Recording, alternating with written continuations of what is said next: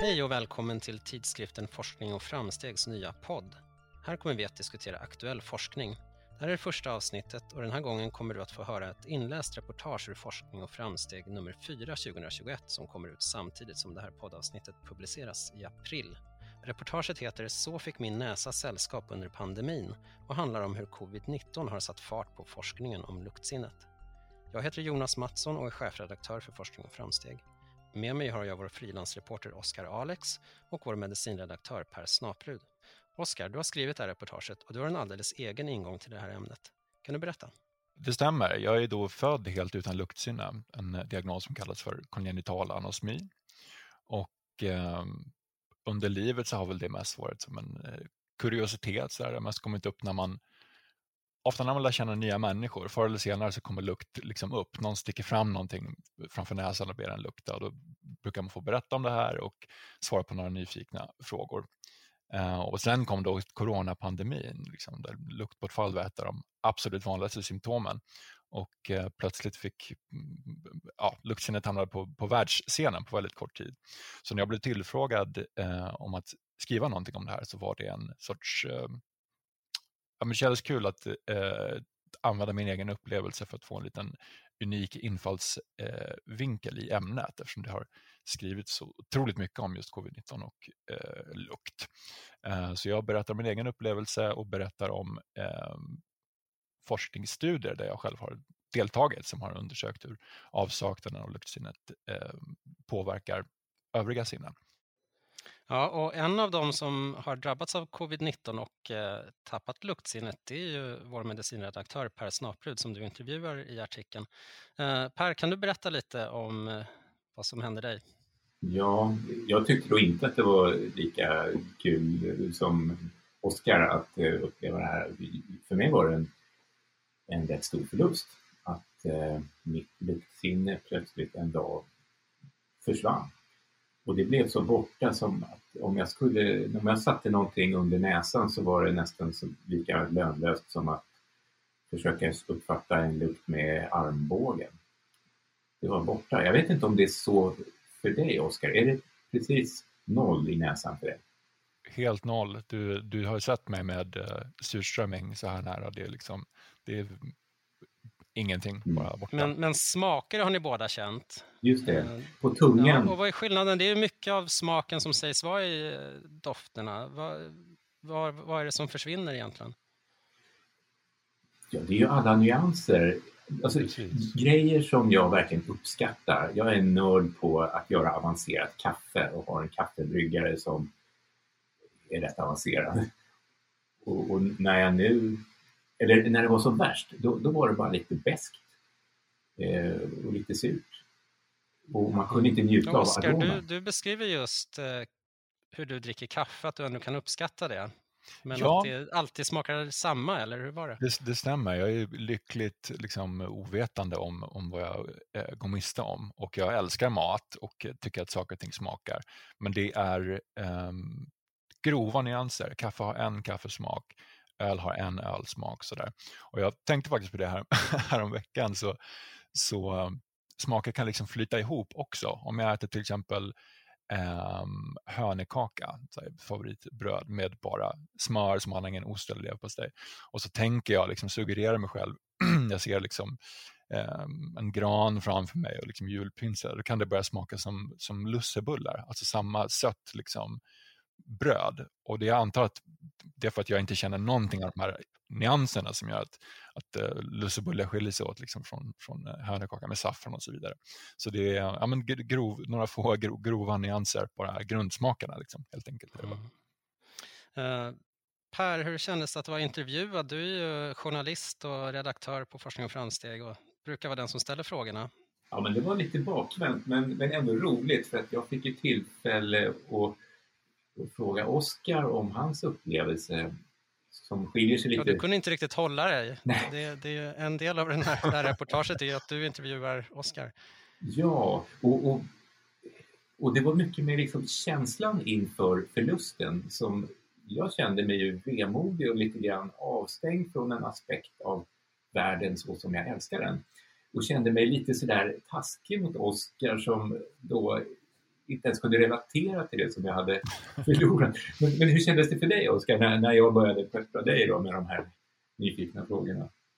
Ja, men alltså det, det var väl eh, det var jätte, eh, intressant, helt klart. Och jag kan, kan väl förtydliga att jag tog verkligen liksom inte eh, illa upp. Det känns nästan inte som att, som att eh, ja, men fast det är någonting som jag har levt med så känns det ändå så opersonligt. Det känns liksom inte riktigt som att, som att eh, jag, jag tar inte åt mig när du beskriver din förlust och sådär för att det är så, ja, men det är så abstrakt för mig, det är så långt bort. Jag, jag, jag, eh, jag tar inte personligt helt enkelt.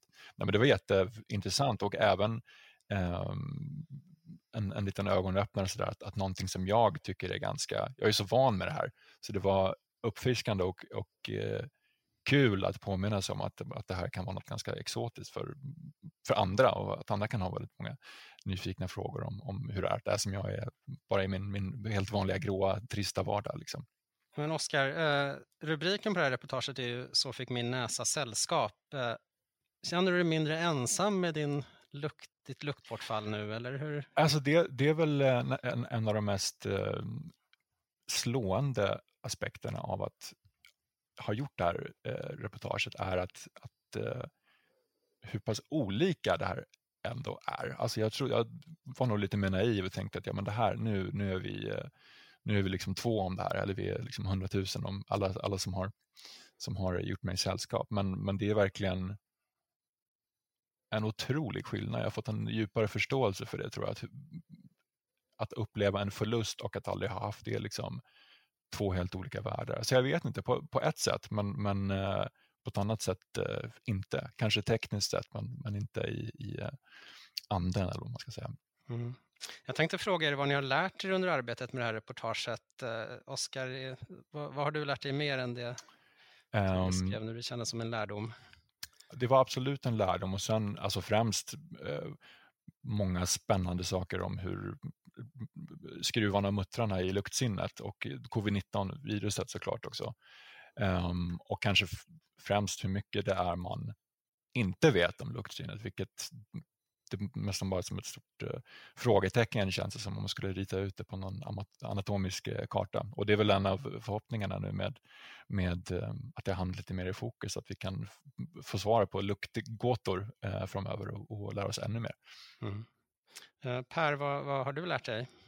Jo, men den här känslomässiga skillnaden som var så tydlig, att jag kände en tung förlust och Oskar var bara det vanliga livet. Men för mig har det också nu under tiden kommit tillbaks lite lukt. Och jag ligger i lukt... Ja, du, lukt, du lukttränar, kan du berätta om det? Jo, men jag har faktiskt en massa burkar, jag kan visa här, eh, med... Nu visar du lite plastburkar med Ser det ut som sådana medicinburkar? Nej? Ja, men det är burkar och i dem så ligger, här ligger lite apelsinskal, här ligger det nymalt kaffe, det här är tandkräm. Och det finns också med i artikeln om hur man gör och jag kan ju känna de här lukterna. De är, de är lite skeva, lite svaga, men jag upplever att det dag för dag blir tydligare. Eh, och en annan spännande sak som hände var att precis i början när jag hade förlorat hela luktsinnet, då hade jag inte ens tillgång till minnen av lukter. Det kändes som att jag inte ens kunde fantisera hur kaffe verkligen luktade. Men nu... Du kunde inte ha de här Marcel Proust-tillfällena när du känner doften av en skorpa och kastas tillbaks till... Mm. Madeleinekakan var helt och hållet borta. Nej, nej, jag hade verkligen inte tillgång till det. Mm. Men nu, och jag känner att efter att jag börjat eh, lukttränar lite systematiskt här så har jag en ganska livlig lukt, inre värld, en fantasi om lukter. Och det kanske är det som är en del av, av liksom läkningen här, att jag kommer tillbaks till att eh, det känns som en viktig del av livet och att förhoppningsvis så ska nervsystemet liksom reagera på det och, och sätta igång bildningen av de här cellerna som kanske har blivit eh, skadade och så. Eh, men, men det, det, är någonting, och det är så skönt att nu så kan jag känna någonting mer än ingenting. Och det är liksom mm. som att öppna ett fönster. Det är skithärligt. För, för det var ju, det här hände, du blev sjuk i december, ja. vill jag minnas, förra året. Och som jag förstår det så under rätt lång tid så var det ganska, det nådde någon, en, en platå, att det hände inte så mycket. Jag upplever att det på den senaste tiden har liksom kurvan börjar luta uppåt igen och du känner en, en positiv utveckling så där, mer än, än innan. Ja, och det är lite svårt att uppfatta skillnaden inifrån för att jag har ju bara mina sinnen. Det där är ju subjektivt. Men jag vet att jag var på en nyårsfest och där vi fick alla möjliga hummer och champagne och sånt. Och jag kunde ju bara berömma värdparet för konsistensen på maten. För det smakade verkligen ingenting. Ingen vinprovning med luktbortfall? Nej, nej, alltså, nej. Och det som fortfarande är nästan noll, det är ju choklad och det är lite sorgligt. Jag hoppas på att det ska ge sig så småningom. Ja, vi har ju, I varje nummer av Forskning och framsteg så frågar vi alla medverkande någonting, ställer en sån redaktionsfråga. Eh, den här gången var det ju, vilken doft skulle du sakna mest respektive minst om du tappade luktsinnet? Och Per, du var inne på det här med jag tror du skrev eh, choklad i tidningen. Ja, jag gjorde det. Jag, jag har liksom eh, en kopp varm choklad. Det är en sån här härlig stund. Jag, jag, det är ett av mina stående liksom, som belöning som jag gillar. Men jag har inte druckit choklad på månader nu för att det, det bara det mm. ger mig ingenting. Tyvärr, men jag hoppas. Vilken doft skulle du sakna minst Per? Ja, men det är, det är ju surströmming. Jag är lyckligtvis inte från Norrland så jag behöver inte gilla det av patriotiska skäl. ja, jag tror jag, jag skrev doften av solvarm hud, det skulle jag sakna. Och det jag inte skulle sakna är de här bilarna som rör sig, särskilt i restaurangtäta distrikt i innerstan som suger upp härsket fett från restaurangerna, slambilen, ja, det. Det, det kan jag gärna avvara. Men eh, Oskar, för dig är det här en väldigt hypotetisk fråga. Ja, verkligen. Vilken doft skulle du vilja önska? Ja, jag får fantisera lite. Jag har hört att nybakt bröd ska vara väldigt härligt, så den, den drog jag till mig i, i tidningen. Um, vilken, vilken vill, är du glad att du slipper? Då? Ja, men det är, jag tror jag skrev um, man känner sig lite nöjd så fort det kommer till de här jobbiga rensa avloppet eller eh, sortera ur, slänga gamla äckliga matlådor i liksom, kontorspentryt. Eh, ehm, då, då, då, då tänker jag på det och är nöjd över att jag, jag, menar, det här, jag har, har, en liten fördel i alla fall. Så alla, alla äckliga men eh, nödvändiga vardagsdofter som man tvingas, dofter som man tvingas tampa med, de, eh, de skulle jag nog inte sakna och saknar inte nu heller. Mm. Ja, ska vi ta och lyssna på ditt reportage då? Så fick min näsa sällskap under pandemin. Det tycker jag. Eh, och du som vill prenumerera på Forskning och framsteg kan alltid gå in på fof.se podderbjudanden. Där kan du som lyssnat på podden få ett extra förmånligt pris. Eh, så låt oss lyssna. Här kommer Oskars reportage inläst av Per Lagergren. Varsågoda. Så fick min näsa sällskap under pandemin. Upp till 80 procent av alla med covid-19 drabbas av luktbortfall. Forskning och framstegs Oskar Alex bestämde sig för att ta reda på varför och vad de covid-sjuka har gemensamt med honom, en av 10 000 svenskar som fötts utan luktsinne. Sökandet ledde till experter som forskat på hans egen hjärna och till en kollega som trott sig ha haft otur i matbutiken. I december år 2020 lyser pannkakssmeten knallgul hemma hos Per Snaprud som är Forskning och framstegs medicinredaktör. Färgen kommer från en saffranspåse som blivit över efter lussebaket men när det är dags att äta smakar inte pannkakorna som de borde. Jag trodde att jag hade fått tag i någon ful saffran helt utan smak, berättar han. Hans dotter däremot känner både smaken och doften av saffran. Då började jag gå runt och lukta på olika saker och upptäckte att jag inte kände doften av någonting. Jag hade läst att det var ett vanligt symptom på covid-19 så jag testade mig och då hade jag viruset. Ett plötsligt nedsatt eller helt utslaget luktsinne drabbar mellan 50 och 80 procent av de som insjuknar i covid-19. Tillstånden kallas hyposmi respektive anosmi. Det är även det symptom som bäst indikerar om någon har sjukdomen enligt en stor internationell studie i tidskriften Chemical Senses. Vid covid-19 kommer luktnedsättningen ofta utan nästäppa och innan övriga symptom, precis som för Per Snaprud. Feber, huvudvärk och sjukdomskänsla i kroppen kom först några dagar efter att han tappade luktsinnet. Därmed skiljer det sig från luktbortfallet vid vanliga förkylningar, då orsaken oftast är svullnad i näshålan som blockerar vägen för luktmolekylerna. Då brukar doftsinnet komma tillbaka lite grann om man snyter sig precis innan det är dags att äta. Det har jag provat nu, men till verkligen ingen nytta, säger Per Snaprud. En av de få som forskar om luktsinnet i Sverige är Johan Lundström, docent i experimentell neuropsykologi vid Karolinska institutet. Luktforskning är ett relativt smalt forskningsfält som covid-19 nu har gjort högaktuellt och sitt arbete under 2020 beskriver han med tre ord. Hektiskt, intensivt och kul. En teori om hur sjukdomen påverkar luktsinnet handlar om luktepitelet.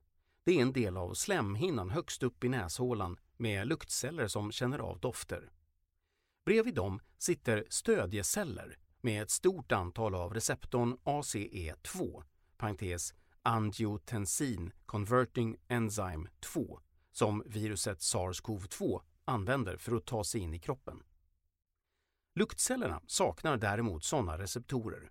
Hypotesen är att viruset infekterar stödjecellerna som bland annat bibehåller rätt salt och vattenbalans i luktepitelet.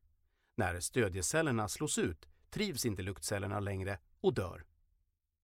Den andra teorin, som får allt mer stöd, är att viruset även kan påverka luktbulben, säger Johan Lundström och tillägger att teorierna inte utesluter varandra. Luktbulben är en del av hjärnan som sitter strax bakom ögonbrynen. Den tar emot informationen som luktepitelet skickar via luktnerven genom skallbenet. Fyra av fem som föds utan luktsinne saknar luktbulb, inklusive jag själv. I fallstudier har forskare hittat tecken på inflammation i luktbulben hos personer som avlidit i covid-19. I andra studier har forskare mätt storleken på luktbulben med magnetkamera och funnit att den är mindre hos de som är sjuka i covid-19, säger Johan Lundström. En förminskad luktbulb är starkt kopplad till ett försämrat luktsinne, bland annat vid Parkinsons sjukdom där det är ett av de tidigaste symptomen.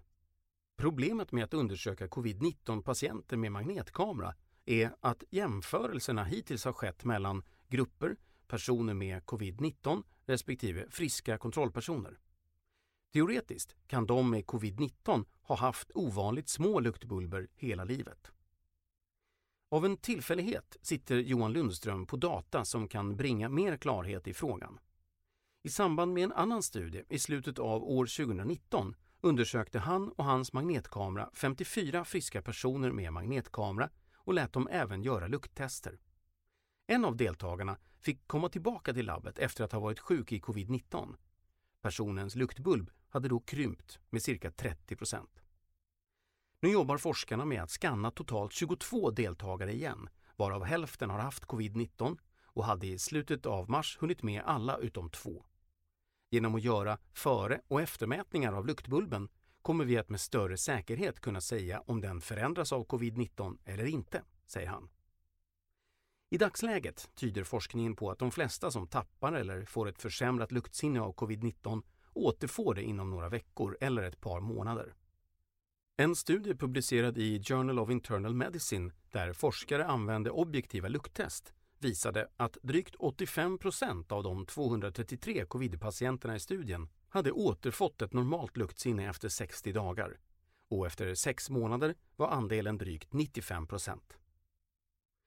Luktepitelets förmåga att återhämta sig bottnar i att det bär på stamceller som hela tiden genererar nya luktceller, även hos friska personer.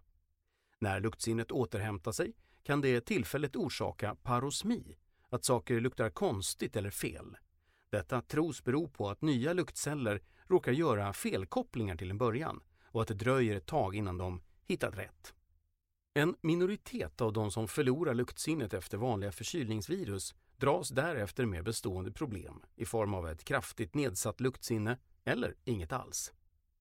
Hur många det rör sig om är svårt att säga. Studierna som finns innefattar få deltagare som ofta får uppskatta sin egen luktförmåga, vilket vi människor är urusla på. Förutom när det hastigt slås ut, som vid covid-19. Men grovt räknat rör det sig om mellan 10 och 15 procent, säger Johan Lundström. Om det även gäller vid covid-19 återstår att se. För Per Snaprud började luktsinnet återhämta sig först efter en månad med myrsteg. Vanilj har börjat komma tillbaks, även citrus och bergamott i Earl Grey-te. Men kaffe är fortfarande mest bara bäst och choklad smakar ingenting, säger han. För att hålla koll på luktsinnet har han då och då satt det på prov hemma i köket. Alla kryddor står på ett fat som går att snurra på, så där kör jag lite luktroulette ibland. Jag tar en lukt, blundar, sniffar och ser om jag kan identifiera den, vilket går allt bättre. Per Snapruds luktroulette har många likheter med luktträning, en sorts sjukgymnastik för näsan som går ut på att lukta och gissa på många olika dofter varje dag under flera månader. Det är idag den enda behandling som finns tillgänglig och studier kring luktbortfall orsakade av andra virus visar att det kan hjälpa en del, men inte alla. Ett problem är att luktträning är relativt primitiv. Tillsammans med Jonas Olofsson, professor i psykologi vid Stockholms universitet, planerar Johan Lundström en ny studie om hur metoden kan bli mer effektiv. Bland annat vill de hitta sätt att hålla igång motivationen och peppa patienterna så att de inte droppar av i förtid. Den som har förlorat eller fått ett försämrat luktsinne av covid-19 bör börja med luktträning så fort som möjligt och fortsätta i minst fyra månader, säger Johan Lundström. Har det inte gett någon effekt vid det laget är dock sannolikheten låg för att luktträning hjälper. Av erfarenhet drar sig Johan Lundström däremot för att komma med tvärsäkra slutsatser om att ett luktsinne som dröjer med att komma tillbaka är borta för alltid. Det händer att folk som har blivit av med luktsinnet återfår det flera år senare, spontant och oförklarligt. Jag skulle därför aldrig rekommendera någon att ge upp hoppet, säger han. Ett förlorat luktsinne kan få allvarliga konsekvenser, till exempel att inte kunna känna lukten av brandrök och gammal mat. Själv har jag klarat mig från eld och bara blivit dålig av mat en gång efter en incident med rejält utgången fil som jag tror gjorde mig matförgiftad. Jag oroar mig nästan aldrig för att min anosmi ska försätta mig i fara och ägnar mig inte åt några säkerhetsbeteenden. Jag har snarare satsat på att försöka tolerera osäkerheten och leva med den. En annan sida av luktbortfall är dess mer psykologiska effekter, till exempel försämrad matlust, depressiva symptom och minskad sexlust. I början tyckte jag att doftbortfallet var ganska spännande men med tiden kände jag mig lite låg, säger Per Snaprud. Han beskriver att han upplevde en sorts glipa mellan sig själv och världen. Främst genom att han kopplades bort från smakupplevelsen han vant sig vid hela livet och som de omkring honom hade kvar. Jag blev fortfarande hungrig men såg inte direkt fram emot att äta. Det var snarare jag behöver energi så nu matar jag kroppen, säger han. Att maten känns trist kan slå åt båda håll. En del äter mindre och går ner i vikt medan andra går upp i vikt då de inser att mer socker, fett och salt kan hjälpa dem att få en roligare smakupplevelse. Depressiva symptom, försämrad matlust och sexlust visar sig vara den största skillnaden mellan de vars luktsinne ryckts bort mitt i livet och personer som jag, som är lyckligt ovetande om vad jag går miste om. Ingen av de negativa hälsoeffekterna vid anosmi gäller för din grupp. Ni är ett unikum och ingen förstår varför, säger Johan Lundström. Rent statistiskt finns det omkring 10 000 personer med medfödd, kongenital, anosmi i Sverige. Johan Lundströms forskargrupp har bara fått kontakt med 60, inklusive undertecknad, främst via olika medier då det saknas en patientförening för oss med anosmi. I mitt fall kan inte avsaknaden av lukt förklaras av skada eller sjukdom och kallas därför isolerad kongenital anosmi. Jag har ofta undrat om det har påverkat mina övriga sinnen och i så fall hur. Sedan tidigare finns till exempel studier som visar att personer som föds blinda kan processa hörselinformation i delar av hjärnan vanligtvis vigda åt synintryck. En av de som forskar om anosmi ur det perspektivet är Moa Peter, doktor i neurovetenskap vid Karolinska institutet. Hon ingår i Johan Lundströms forskargrupp och disputerade i december år 2020 med en avhandling om hur avsaknaden av luktsinnet påverkar hjärnan. Jag fick chansen att låna ut min hjärna till samtliga delstudier i avhandlingen under augusti i år 2017. Alla deltagare belönades med ett par biobiljetter. Sedan tidigare finns bara ett fåtal studier inom området, främst med fokus på smak. Tanken var att avsaknaden av lukt borde få smaksinnet att kliva fram och kompensera eftersom sinnena står varandra så nära. Men i en studie som mätte smakförmåga med luktlösa smakämnen presterade personer med anosmi sämre än kontrollpersonerna. Vi valde istället att undersöka hur avsaknaden av ett sinne påverkar förmågan att integrera information från flera sinnen samtidigt, säger Moa Peter. Detta är någonting vi gör ständigt utan att tänka på det. När vi lokaliserar en röst i ett rum hör vi varifrån ljudet kommer och använder samtidigt blicken för att se vem som pratar. Intrycket blir då starkare än om vi bara hade använt ett av sinnena.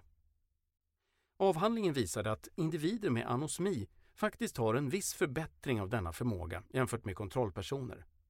Det känns superspännande, men än så länge rör det sig bara om en delstudie och vi vill gärna se att resultaten replikeras, säger Moa Peter. I studiens ena experiment fick vi se en serie korta blinkningar av en liten cirkel och höra ett pip, antingen före, efter eller när cirkeln blinkade. Jämfört med de som hade ett intakt luktsinne var vi med anosmi bättre på att avgöra om ljud och bild var i synk eller ej, vilket är ett mått på förmågan att integrera information från flera sinnen. I ett annat experiment skulle vi identifiera vardagsobjekt så snabbt vi kunde utifrån filmsnuttar och ljud fyllda med brus. Här presterade vi med kongenital anosmi bättre än kontrollpersonerna, men gruppskillnaderna var något svagare än i det första experimentet. Utifrån resultaten tycks fördelarna med att sakna luktsinnet alltså vara relativt blygsamma och faktum är att detsamma gäller för blinda och döva. Effektstorlekarna är generellt ingenting som får en att tänka det här är en otrolig superkraft, säger Moa Peter. Det rör sig heller inte om tydliga förbättringar i grundläggande funktioner som att en blind person kan uppfatta mycket svagare ljud än en seende. Snarare är det vissa specifika förmågor som kan förbättras. Till exempel att blinda är bättre på att uppfatta saker i sin omgivning med hjälp av sin hörsel, säger Moa Peter. Det finns dock mer forskning om hur avsaknaden av syn och hörsel påverkar övriga sinnen. Underlaget för att det faktiskt finns en kompensation är därför stadigare än vid anosmi. Moa Peter letade även efter skillnader i hjärnans struktur då hjärnan är plastisk och har en förmåga att anpassa sig och göra omkopplingar, särskilt tidigt i livet. Hon fann en del skillnader i orbitofrontala cortex, en region som både processar lukt och övriga sinnesintryck. Hos personer med anosmi fanns både områden med en förminskning och andra områden med en förstoring. Förminskningen tros bero på avsaknaden av luktbulben medan orsaken till förstoringen är okänd. Forskarna förväntade sig också att hitta en förminskning av volymen i piriform cortex, en av de första hållplatserna i hjärnans luktprocessande. En sån förändring finns i motsvarande regioner hos blinda, men hos personer med anosmi fann vi inga tecken på det alls, vilket förvånade oss.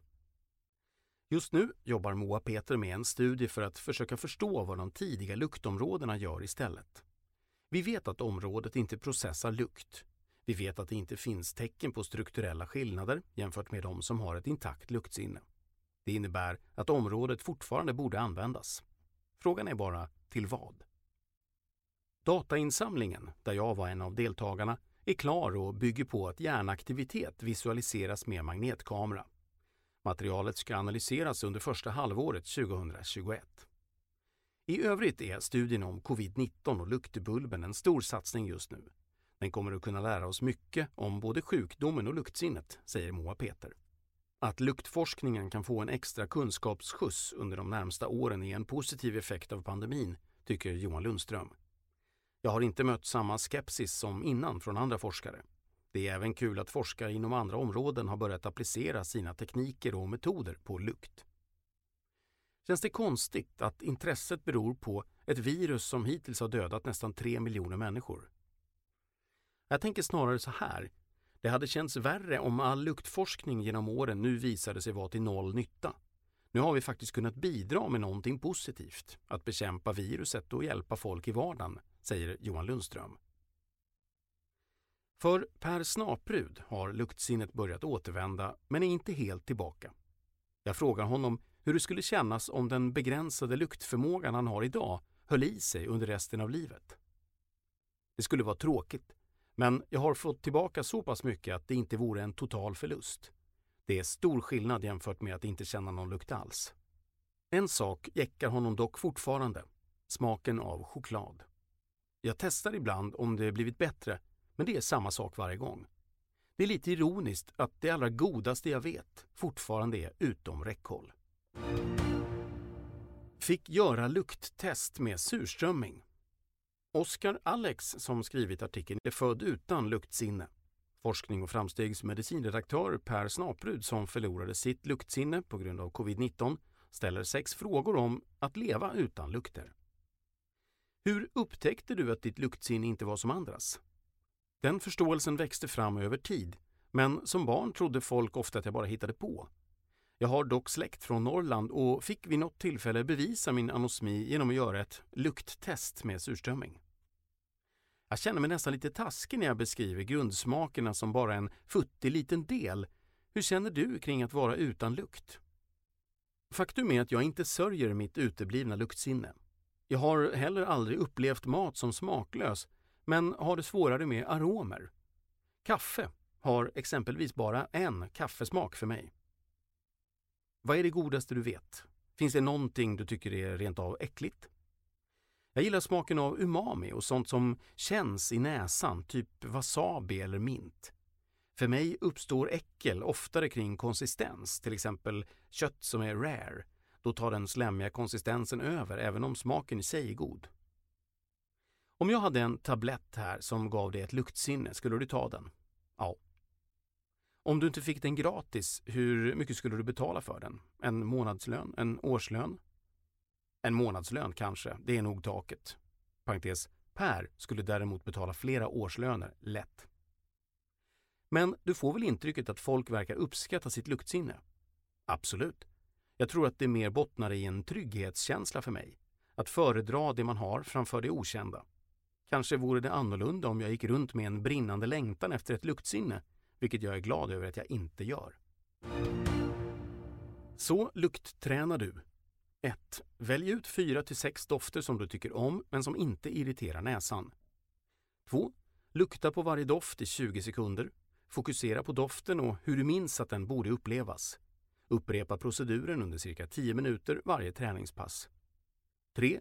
Gör hela övningen en gång på morgonen och en gång på kvällen varje dag. 4. Luktträna i minst fyra månader. Med jämna mellanrum kan du byta ut dofterna mot nya. Skriv ner upplevelserna efter varje träningstillfälle i en doftdagbok. Källa lukttraning.se Här är doftens väg in i hjärnan av Johan Janestad och Oskar Alex. 1.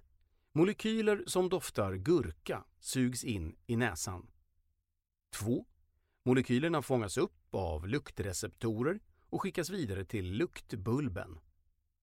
3. Luktsignalen går till flera delar av hjärnan, antingen direkt eller indirekt. Så samlar luktcellerna in intryck. Luktcellerna samlar in luktintryck med hjälp av små förgreningar, cilier, som exponeras för dofterna vi andas in, högst upp i näshålan. Längst ut på förgreningarna sitter luktreceptorerna som binder till enskilda luktmolekyler och skickar informationen vidare till luktbulben. Stödjecellerna som slås ut av covid-19. Stödjecellerna ser bland annat till att luktepitelet har rätt salt och vattenbalans. Studier visar att stödjecellerna har en stor mängd av receptorn som covid-19 binder till för att ta sig in i kroppen, ACE2. Man tror att viruset slår ut stödjecellerna varefter luktcellerna inte längre trivs och dör.